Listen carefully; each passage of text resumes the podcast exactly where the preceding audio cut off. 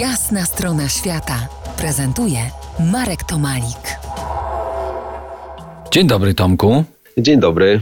Może pamiętacie, drodzy słuchacze, rowerową podróż Daniela Kocuja z Sydney do Szczecina po jasnej stronie świata? Trudno mi było uwierzyć, że to możliwe. Dziś spotkanie z Tomkiem Chyzińskim, który zabierze nas w rowerową podróż, uwaga, dookoła świata. Tomku, zanim ruszymy z Tobą w trasę, proszę powiedz nam o swoich korzeniach. Skąd pochodzisz i gdzie teraz mieszkasz? Pochodzę z Wałbrzycha, a obecnie mieszkam e, w Szkocji, w niewielkim miasteczku Dunfermline pod e, Edynburgiem, to jest stolica Szkocji. Dotychczasowa podróż zajęła Ci 4 lata. Przejechałeś przez 46 krajów na pięciu kontynentach. Powiedz nam, jak się zaczęła ta Twoja podróż? Co stało się iskrą zapalną do tak długiej podróży? Ja zawsze lubiłem podróżować, nie?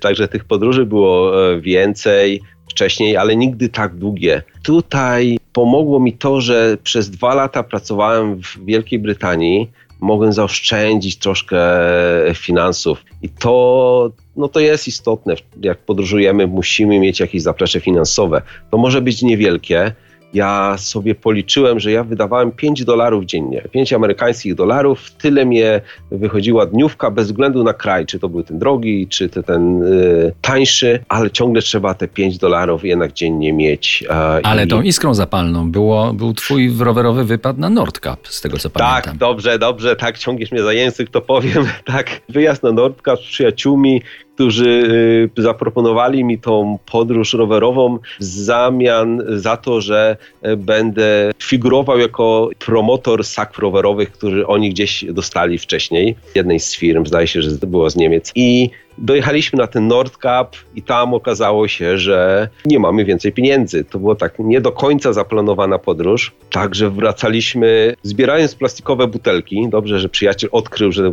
te butelki skupują w supermarketach. No właśnie, tutaj ci się wtrącę. Pamiętam y, swój pobyt pod kołem polarnym. Y, Szwecja zawsze była droga. Jak brakowało waluty, zbierałem iortron, czyli malinę morożkę na bagiennych terenach.